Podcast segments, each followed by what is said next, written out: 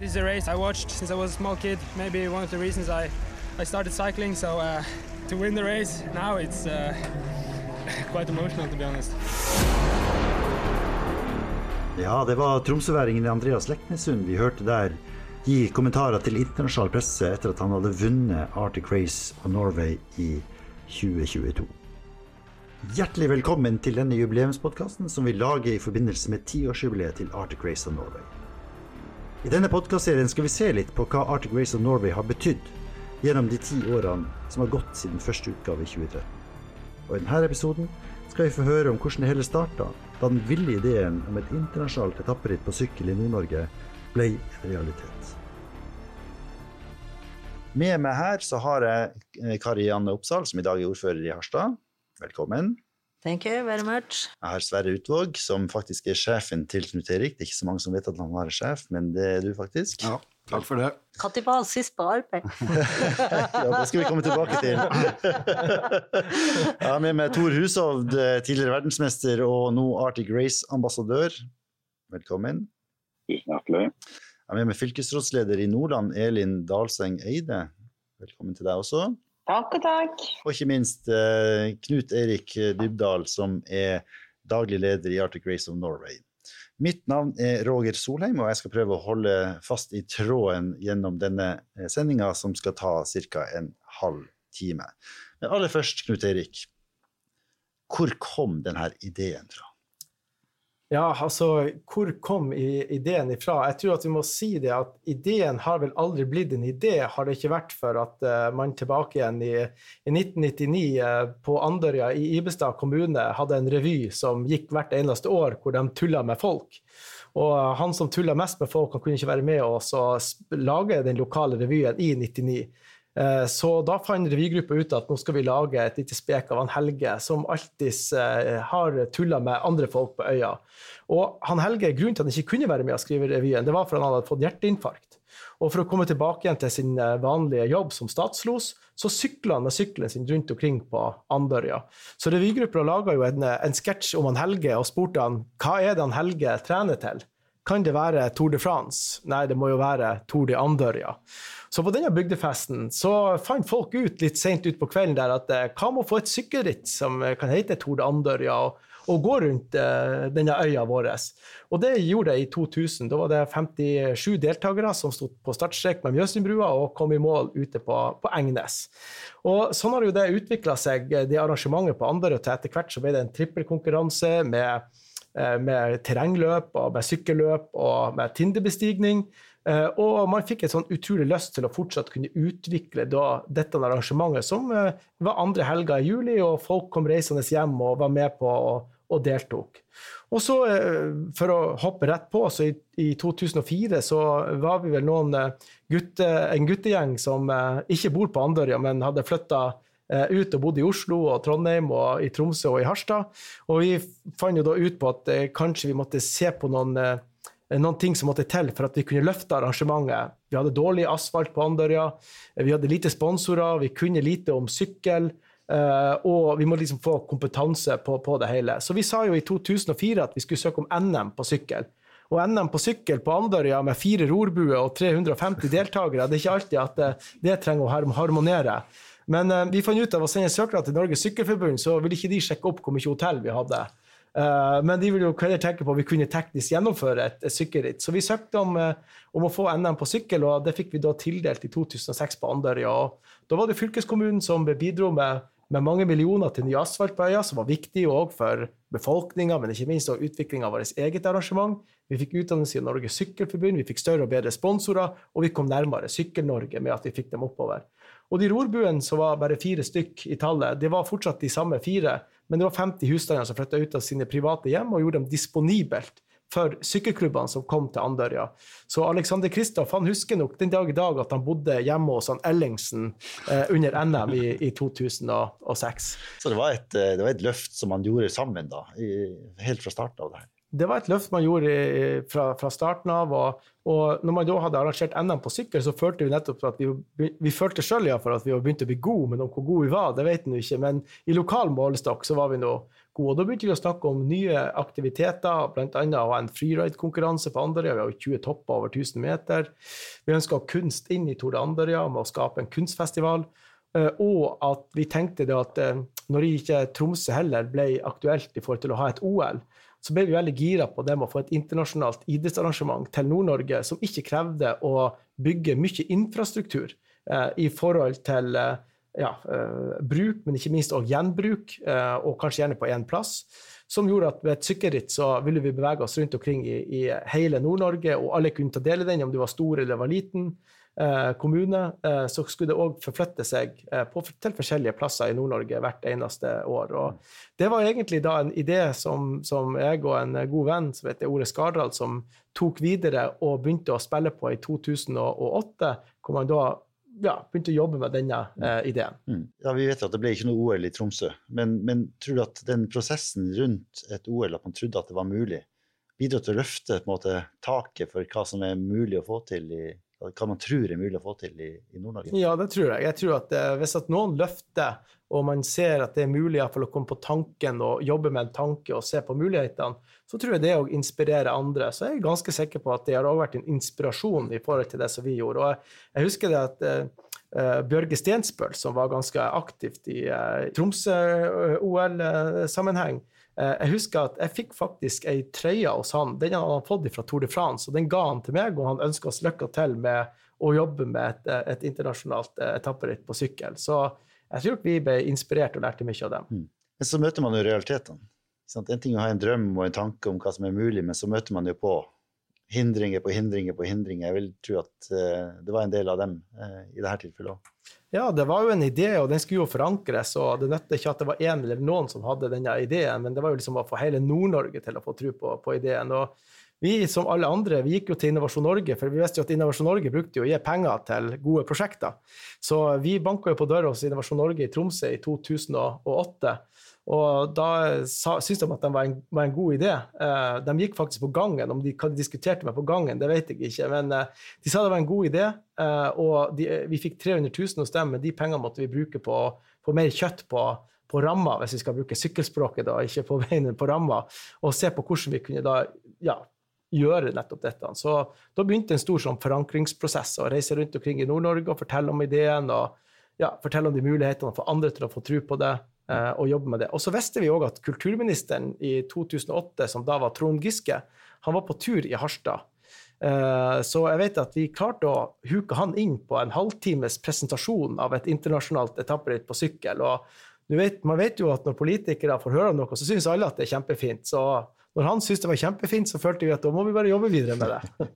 ja, ikke sant. Men så, så, kommer dere videre, og så skal jo det her altså, Eh, eh, det skal forankres, som du er inne på. Dere reiser rundt hele Nord-Norge. og eh, Inntrykk av det som på en måte kjennetegner Arctic Race Norway, det er at hele Nord-Norge faktisk står bak. Men var det bare positive tilbakemeldinger overalt hvor du kom? Det var mye positive tilbakemeldinger egentlig alle plasser. Men hvor godt folk trodde på det, var kanskje liksom vanskelig å si. Men, men vi fikk jo noen som kakka oss på skuldrene og sa at vi skulle bare forholde oss til det vi hadde holdt på med hele tida med Tore Andørja og, og, gjøre det. Eh, sånn at jeg tror ikke at folk følte at det var en, var, en, var en, spennende idé, men liksom på hvordan man skulle ta den videre. Det var jo kanskje det som var litt sånn eh, Det med å løfte deg fra det lokale til det nasjonale, og så skulle liksom plutselig bli det internasjonale. Eh, og hvordan vi skulle gjøre det, det var mange ting. Men det var alltid fra, fra sykkelforbund til idrett. Eh, det var liksom at ingen kunne være med og bidra til å løfte det, og vi måtte tenke på hvordan vi kunne prøve å løfte det sjøl eh, framover. Vi, vi, fikk jo òg eh, i 2011 en, en, god ambassadør med oss, eh, da via Tor Hushovd, som takka ja til å være ambassadør. da som ja, Han var jo da verdensmester i 2010, og vi fant ut at eh, det ville være viktig for oss å få den største stjerna i verden, til å, iallfall i Norge, til å, til å, være med oss på, på laget. Og Det var vi òg veldig glad for. Og, og TV 2 òg var jo en viktig rolle uh, for oss, uh, for at de syntes at dette, denne ideen var, var god. Uh, og de åpna jo òg opp til oss for å kunne få et besøk i Frankrike og besøke verdens største idrettsarrangør, som da var, var ASO. Ja, for det er jo helt naturlig at når man skal arrangere et idrettsarrangement i Nord-Norge, så, så, tar man kontakt med verdens største arrangør av idrettsarrangement. Ja, altså, jeg, det, det, var jo òg sånn at eh, i dialog med veldig mange, da, og deriblant TV 2, så var det jo, hvis, hvis vi skal være helt ærlige på det, og, og, når de sa at ja, kanskje vi burde ha presentert det til noen som er på det nivået allerede, og da spurte vi jo TV 2 hva dere tenker på. Vi, vi, har, vi arrangerer jo Tore Andorra, og han Edna på sykkel. Trenger vi å snakke med noen andre? Vi kan alt. vi, vi kan alt. Men, men, men det, er liksom, det, det, er jo liksom som jeg har sagt, jeg må ha trua på, på ting. Og Jeg sier ikke at man skal ha trua på at det ikke kan gå, men, men det var liksom det som var, var drivverket. da det å, å kunne ha trua. og det var jo TV 2 som åpna opp for oss og, og, og sørga for at vi fikk et møte med, med den franske eh, arrangøren og eieren av Tour de France. og Vi fikk presentert ideene eh, for dem, og, og de var med. Og, og, da kom jo fylkeskommunene inn og var en utrolig viktig bærer i forhold til at vi måtte danne et ordentlig prosjekt. Mm. Så jeg husker både fra Troms og fra Nordland og fra Finnmark så Eh, var de med en million på, på bordet til å hver og, og gjorde det. Og jeg husker Landsdelsutvalget, så lenge det eh, var, var i den tida, var òg med og bidro med penger. Jeg husker òg at Sparebanken Nord-Norge gikk inn med, med, viktig kapital for å kompensere da, de, de, offentlige midlene. Så, og da var det liksom mange som var kommet rundt. at vi, vi begynte å stå mye mer sammen om ideen om å kunne få det til. Mm. Så det var en... Jeg må bare avbryte det. Han, han snakker så mye på inn hvis ingen hopper inn, så bare fortsetter han til podkasten er ferdig. Altså det, det, som skjedde i 2011, da var jeg liksom på peak av min karriere, så ringer det da en, en, en nordlending da, eh, som snakker som sagt på inn- og utpust. og Det var da Knut Erik Dybdahl, som jeg aldri hadde verken truffet før, hørt om før eller sett før, selvfølgelig.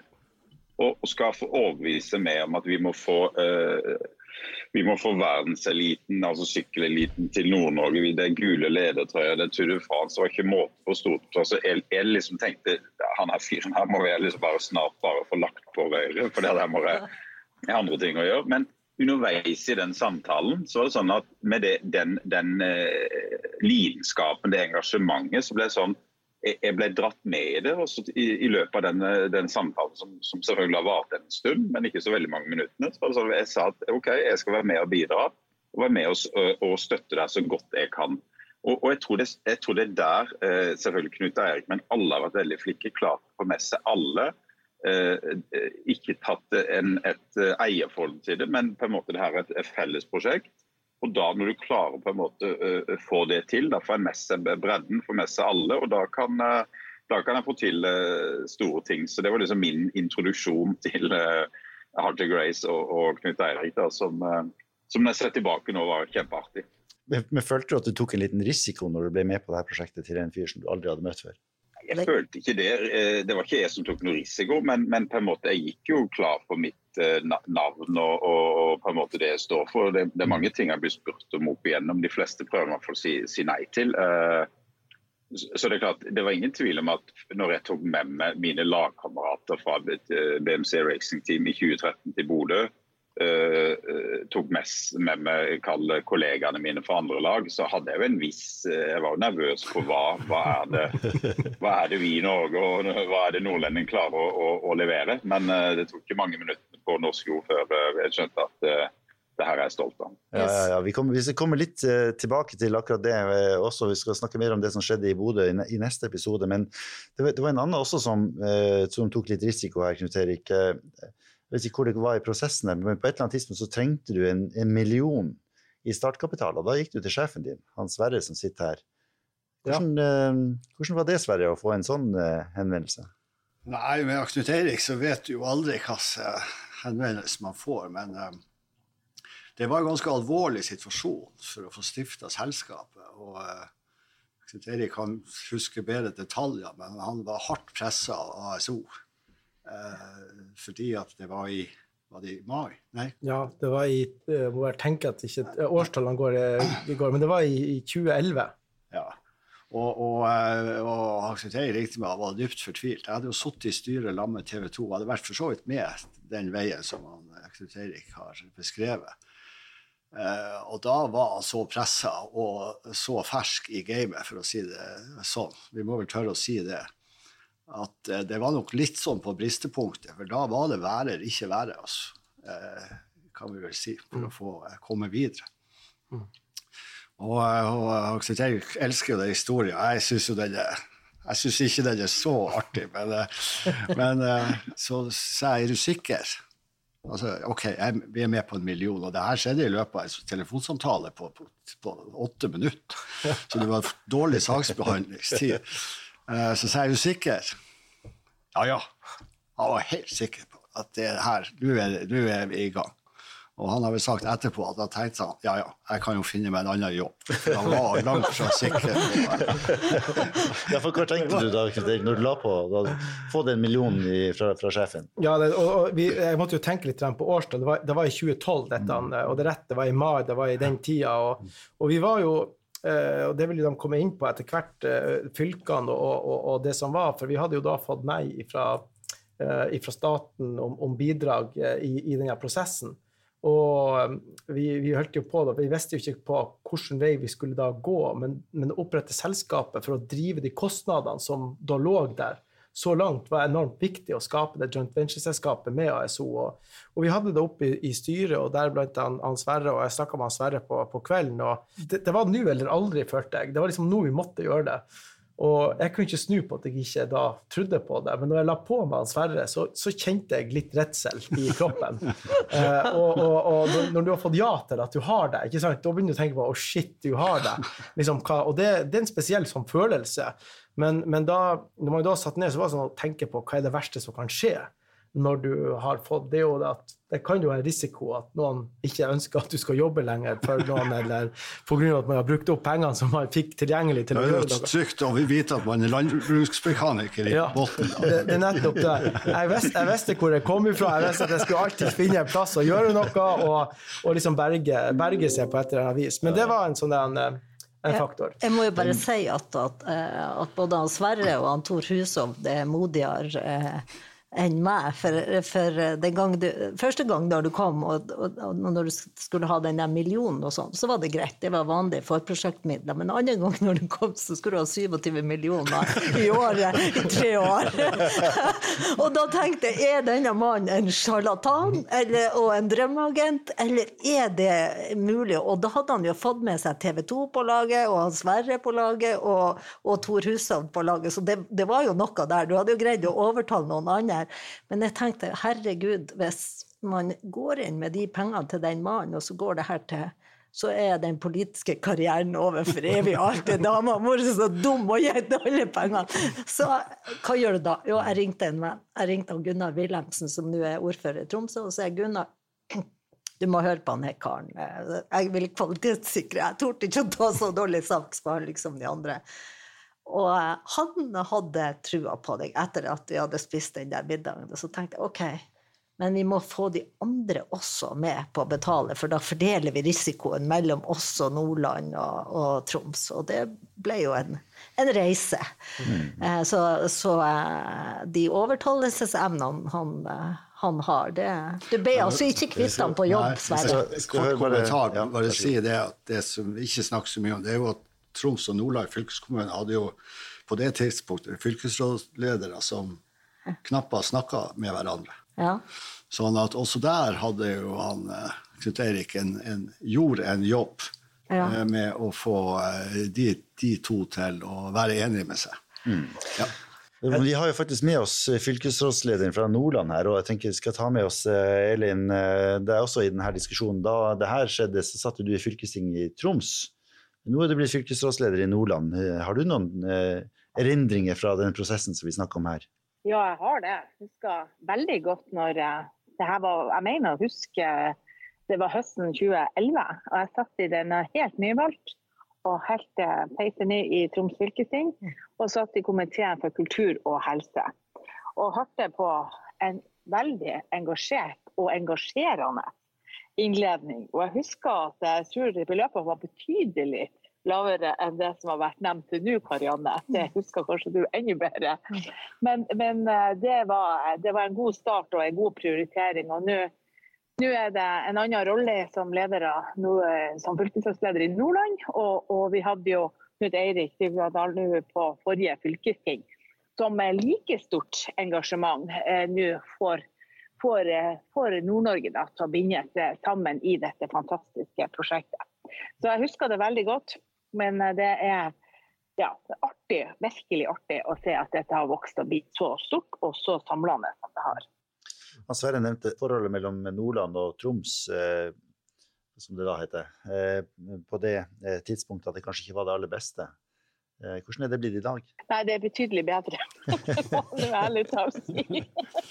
Så det er mer samarbeid og god tone og i det hele tatt. Nei, altså Det er helt, helt endra. Det var vel en, en, god periode der det ikke var det, men, men det er historien. Ja.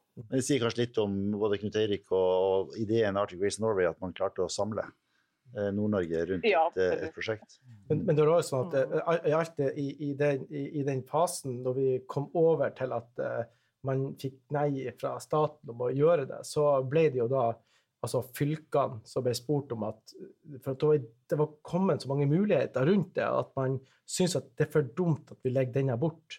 Og da var det jo at fylkeskommunene måtte snakke sammen. Og jeg vet jo det vi har snakka med, med, Pia og han Odd, og, og, det som han Sverre var inne på. Men jeg vet òg at uh, hun, de var noen fylkesrådsledere. Mm. Men det var jo mange i fylkesrådet som fortsatt snakka med hverandre. Og, og jeg husker Karianne hun hadde utrolig mange samtaler med eh, disse folkene, men som ikke da via og Pia, men, men gjorde det egne mot han Odd og, og mot andre ja. i, Nordland. Så det, jo, det, ble jo en kommunikasjon for dem lederne ikke kanskje var Jo da, men det, er overdrevet at de ikke snakka så godt sammen. Men de, det er klart, de var, de, var, de var, to markante ledere begge to. Men det var jo Pia som sendte meg på overtalelsestur til Nordland.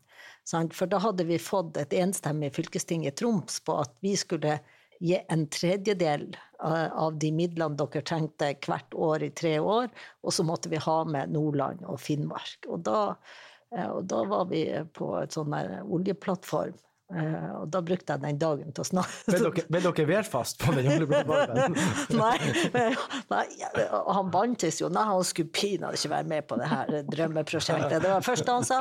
Og når, på slutten av dagen så sa ja ja, hvis det nå står på en million eller to eller tre, så, så skulle Nordland være med. og så gikk det ei uke, og så kom de med for fulle mugger. Og det var jo, også Bjørnar Skjæran spilte jo en rolle mm. inni det der. Så, så det, det, var litt her og litt der. Og summen av alle de her menneskene eh, Det er jo på en måte Det var en av dere som sa det. Ingen har tatt eierskapet. Alle hadde eierskapet. Det er kjempeviktig. Alle har mm. sin lille flik av, av den historien, og det syns jeg alle skal få ha. Men det er summen av det mm. som er blitt så mye større og så mye bedre. Det er det lagarbeidet som er, som mm. er det suverent bra i dette. Ja, det har jo vært helt unisont altså, i, i de her tre fylkene som er involvert. Det har vært både på folk, folkenivå, men eh, jeg er enig med deg, Karianne. Det er, det er, liksom vanskelig å si at det var det eller det eller han eller hun som liksom Det er liksom et, en sum av at, eh, at vi har stått, klart å stå sammen, hele Nord-Norge, og, og, og, gjort det vi kunne være på vår kant. Ja, og med en, med en gærning med eh, usedvanlige overtalelsesevner som, som et nav i den der prosessen hvor du skal liksom koordinere over 80 kommuner og næringsliv og banker og TV 2 og, og noen franskmenn som, mm. som er profesjonelle. Makeløst. Vi, vi, har vært inne på det med, med ASO, altså de som eier eh, Tour de France og er en av verdens største eh, arrangører av idrettsarrangement. Hvordan fikk du tent på ideen om å komme til Nord-Norge? Ja, altså det blir, og der må vi eh, skryte over til TV 2, for det var TV 2 som sant, har bygd opp uh, der de må vise Tour de France på norsk TV siden 90-tallet. Og det var jo de som åpna opp døra og sa at hvis vi skal liksom opp i den øverste divisjonen, så må vi ha noen som kan være med på å gjennomføre det på, på det nivået. Og det var jo dem som da i 2011 ordna et møte med oss i Frankrike, hvor vi da fikk muligheten til å presentere planene. og Eh, så uten TV 2 og at de òg har vært med på å bruke sitt nettverk og åpne opp, så, så har vi ikke kommet, kunne vært der vi er i, i dag. Og... Men Fikk dere representanter fra ASO opp til Nord-Norge for å vise dem hva, hva, hva Nord-Norge har å by på? Ja, det var det vi gjorde. Og når vi var der nede, så var det jo 30 minutter som var bestemt, men vi ble jo der i tre timer. Eh, og vi prata, og da spurte jeg jo rett over bordet til dem om når de kom til Nord-Norge for å se på potensialet. og de tok opp kalenderen og begynte å rote i på telefonen der, og tre dager etter, etter Tour de France så, så var de i Nord-Norge. Og vi hadde jo et spørsmål, jeg husker jeg snakka med Sverre om det òg, uh, i, i, mai det året. så Før de kom opp, så ville de ha et Teams-møte med oss. Og, og, jeg vet ikke om det min, var min redsel for å prate engelsk på telefon, eller om man var så snartenkt, det det skal være usagt. Men uh, de spurte om økonomi. Altså, det koster jo mye å arrangere. Og da sa jo jeg bare at det snakker vi ikke om nå, det tar vi når vi kommer til Nord-Norge. Og da trodde jo de at vi hadde penger til alt sammen. Men vi hadde jo, vi hadde jo ingenting. I veggen. vi hadde ingenting. Og hvis vi hadde sagt det, så hadde vi ikke kommet. Men, men de kom oppover hit, og det som var artig, de hadde vært og sett på, på kartet, eller på globusen, på hvor uh, hvor Harstad da var hen eh, i 2011, og de så lå på samme breddegrad som Alaska. Så da trodde de jo at det ikke var så veldig mye infrastruktur så langt nord, så de ble ganske forferdet når de landa på Gardermoen, at de fløy med et større fly oppover til Evenes enn hva de kom med fra Paris, eh, og at de ikke sant, så på alt det som var rundt der, og at det var en vakker natur og alt de opplevde. Og, og når de hadde vært der, så sa de bare at eh, altså, vi har en del sykkelritt og andre arrangementer rundt omkring i verden, men dette er kanskje noe av det mest fantastiske vi har sett, og, og vi ser et stort potensial i. Og det var da vi virkelig begynte. og og, og, Elin var litt inne på det òg, for at det var i den prosjektfasen først ut, så var det en million, men etter hvert så ble beløpene større. Og det var jo da òg i 2011, når vi fikk nei fra staten, at, eh, at fylkeskommunene sa at dette gjør vi, gjør vi sjøl. Eh, så at eh, fylkeskommunene da òg sammen med, med nå Equinor, men da Statoil, sa, jeg husker Helge Lund sa at eh, på samme måte som både Elin og, og Karianne nå sier, så, så, sa Helge Lund når han eh, sa at vi går inn og, og bidrar med dette på ja, så deres største engasjement, så de trodde jo òg på oss. Så da sa Helge det at eh, hvis dette blir bare litt av det dere sier at det skal bli, så kommer det til å bli fantastisk. det kan man på mange måter si at det har blitt. Men i bunnen her altså det, er et, det er et stort nordnorsk samarbeidsprosjekt, det har vi fått eh, måte, klarhet i nå. Men i bunnen her ligger det jo at det skal være en idrettskonkurranse, også med høyt internasjonalt nivå. Tor, du var jo inne på det da du snakka i, i, sted om at du, liksom, du, fikk laget ditt oppover. og Du hadde også kanskje snakka med noen av dine andre sykkelkollegaer om å måte, stille opp opp i, i Nord-Norge. Hvordan, hvordan jobba du med det? Eh, jeg solgte det inn på en måte om at uh, Først er det jo været, da, det som Knut Erik var inne på. Når du ser på globusen så, og, og, og over uh, Arctic Circle? Så, så blir det altså Det skremmer jo uh, mange ryttere og mange lag, sånn hvis vi ikke har vært der før.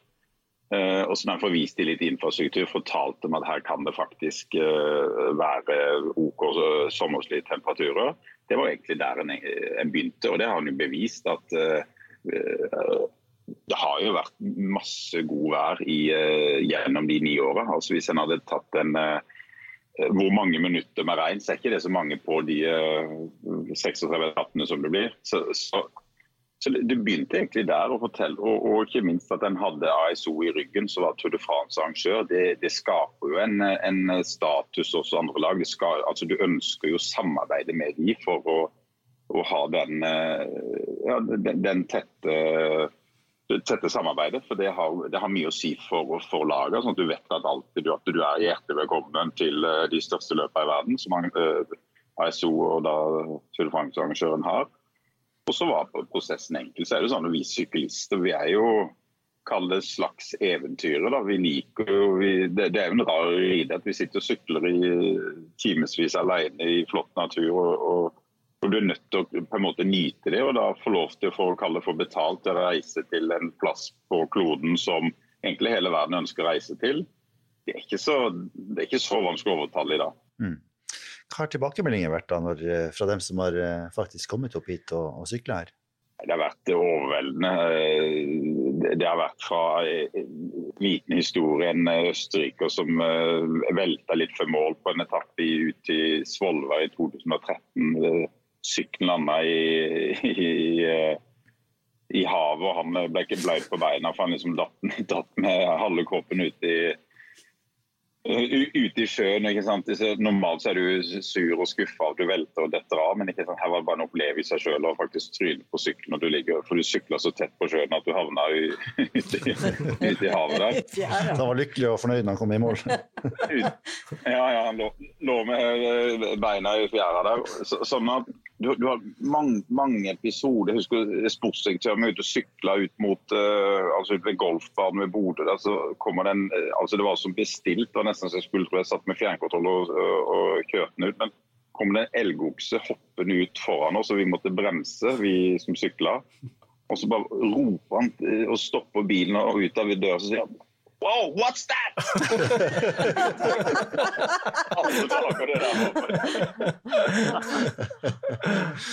så nei, det, jeg kan sitte sånn og lage nesten en egen podkast med, med, historier. Men uh, nå er det en kamp for rytterne om å, om å få komme til Arctic Race og, og, sykle, for det er spektakulært. Og det er litt annerledes enn de andre sykkelløpene nede i Europa. Jeg regner med at Knut Erik, når du hadde jobba så hardt med det her og måtte forplikta så mange på så ulike områder, så var du litt spent uh, når første utgave skulle av stabelen i, i, ut fra Bodø i 2013? Ja, det var, utrolig, det var utrolig mange ting som var spennende med, med akkurat det. Og, og jeg syns at det, det, det, er litt sånn at uh, når man ser tilbake igjen på det som har vært, så, så er det sånn at uh, jeg må bare sette så utrolig pris på Eh, alle som har vært med på å bidra. Og, og han Sverre, som har vært uh, min sjef uh, jeg vet ikke, i 25 år, tror jeg, totalt sett, at jeg har fått lov til å holde på med andre ting enn hva, enn, hva, bare gjøre jobben min. Det har vært utrolig viktig, men ikke minst å ha samtalepartnere.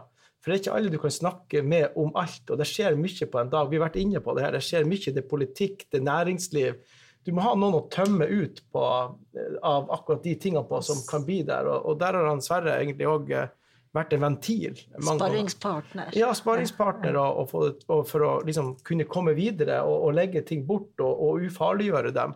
Og så er det òg sånn eh, med Elin og, og, nå Karianne vi, vi, altså Dette med at fylkene har stått sammen om det og har vært med og bidra, har òg gjort det sånn at alle kommunene har vært med og bidratt, og at vi har løfta det fram eh, i lag. Og det er som å bli sagt at Arctic Race har ikke et tilholdssted. Altså, eh, vi kommer hjem til Bodø, og vi kommer hjem til Harstad, og vi kommer like mye hjem til Tromsø. Og, og nå skal vi hjem til Kautokeino. Så liksom at hjem er egentlig alle de som er støttespillerne, og alle er støttespillerne på et eller annet nivå. og og så får vi håpe at det kan være, som vi har sagt eh, tidligere, bygd på, at det er mye mer enn hva et sykkelritt. Altså det, det, handler om det vi har gjort sammen. Mm. Og, og at Tor tok sjansen på oss. Eh, og var med og bidro allerede i, i, starten. Og jeg husker veldig godt, ikke han Tor husker det sikkert ikke, men jeg fikk faktisk han òg med på en større konferanse hvor han var live inne. Og jeg visste at når du er verdensmester på sykkel og du sier at dette blir fantastisk, så vil folk tro på det. Så var jo lete etter de som kunne være med å formidle ditt eget budskap eh, på en annen måte, og, og liksom få, få, folk med. Og det var litt sånn viktig. Men eh, jeg tror at det vises resultater av det. og og nå vet jo Elin at vi har begynt å sykle en sykkel fra Bindalen i sør, og den skal jo havne opp i, i Nordkapp eh, under Arctic Race. Og det markerer det samarbeidsprosjektet dette har vært. Altså Alle har vært med og løfta. Og, og det om ikke Bindalen har hatt en etappe av Arctic Race, har de vært like viktige i prosessen. Og så håper vi at eh, de kan være med oss eh, eh i en annen, altså få en etappe senere eh, på en eller annen gang. Og det vet vi at de eh, vil få. Og nå har vi besøkt 40 av de 80 kommunene. Vi har, besøkt, vi har, besøkt, halvparten av kommunene på de ti årene som har gått. Da må vi sørge for at vi får besøkt de 40 andre på de neste ti årene, uh, og kunne utvikle dette arrangementet videre sammen. Og vi vil ikke klare å utvikle det hvis vi ikke gjør det sammen. Det er jeg ganske sikker på. Og, og gjør vi det, så vil det være én ting det at vi kan ha Arctic Race til å eksistere og vare inn i framtida, men vi vil òg være med på å generere kanskje andre prosjekter som er vel så viktige for, for Nord-Norge eh, i en tid der vi ser at eh, vi må tenke bolyst, og vi må tenke å ta vare på de vi har her, og ikke minst gjøre oss attraktive for, for andre. Mm, veldig bra. og de her tingene skal vi komme mer inn på i de åtte neste episodene eh, av denne jubileumspodkasten. Knut Erik. Da skal vi gå inn for landing. Jeg vil si tusen takk til dere som har vært med i dag, for at dere har bidratt til å belyse den utrolig spennende uh, historien som, uh, som, har ført fram til Arctic Race. Og Sverre, du har lyst til å si noe jeg før vi tar, tar kvelden? Historie, og det skal være kort. Men